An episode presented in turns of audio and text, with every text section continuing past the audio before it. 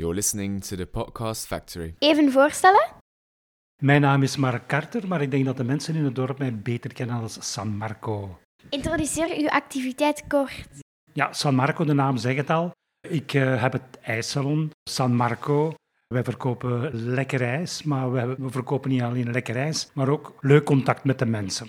Hoe ben je op het idee gekomen om met deze activiteit te beginnen? Ik ben niet zelf op het idee gekomen. Toen ik hier kwam wonen, pak, ik denk 13 jaar geleden, eh, was, ging ik hier gewoon komen wonen. Boven was de slaapkamer, beneden was de woonkamer. Maar terwijl ik hier aan het werken was, zaten mensen hierover op het terras bij de Venetiaan. En men zei daar van, die gaat boven wonen en beneden begint die crèmerie.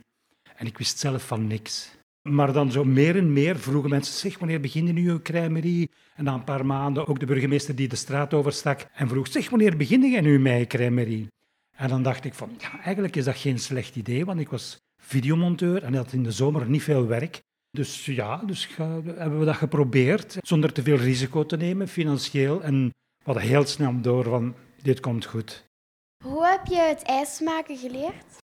Wel, in het begin kon ik dat helemaal niet. En uh, ben ik in, in Leuven aan iemand gaan vragen van, hoe kan ik daaraan beginnen? En die zei, oh, geen probleem, ik heb hier een toog voor u, die kan je lenen, of huren. En daarna heb ik die ook gekocht.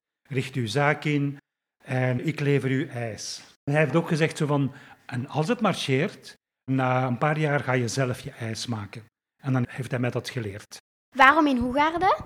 Ik woonde hier, het was hier vroeger een winkel. Ik ben een ijssalon begonnen omdat uh, eigenlijk van mij verwachten. Heeft u een grappige anekdote om over deze activiteit te vertellen? Ja, een paar jaar geleden kwam hier zo'n groep jongeren binnen.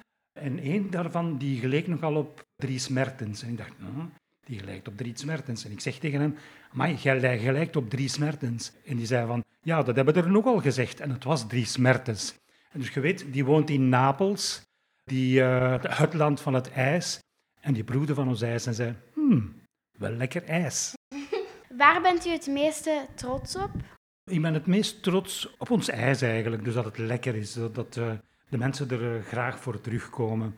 En ja, dus ook het, ik ben ook trots op het, het contact dat ik met de mensen heb. Ik doe dat heel graag. Maak jij ook bio-ijsjes?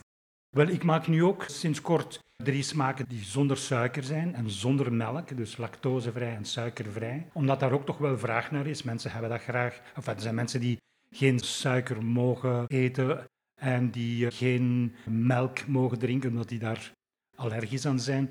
Dus zijn er nu drie smaken die zij kunnen eten zonder problemen. Heb je oog voor het milieu? Ja, we proberen toch ook daarop te letten. Zo, onze lepeltjes zijn bio-afbreekbare lepeltjes. De rietjes zijn ook bio-afbreekbaar. En we gaan dat zelfs verder opvolgen dat ook de dekseltjes van de milkshake bekers, dat die ook bio-afbreekbaar zullen worden. Dankjewel voor het um, interview.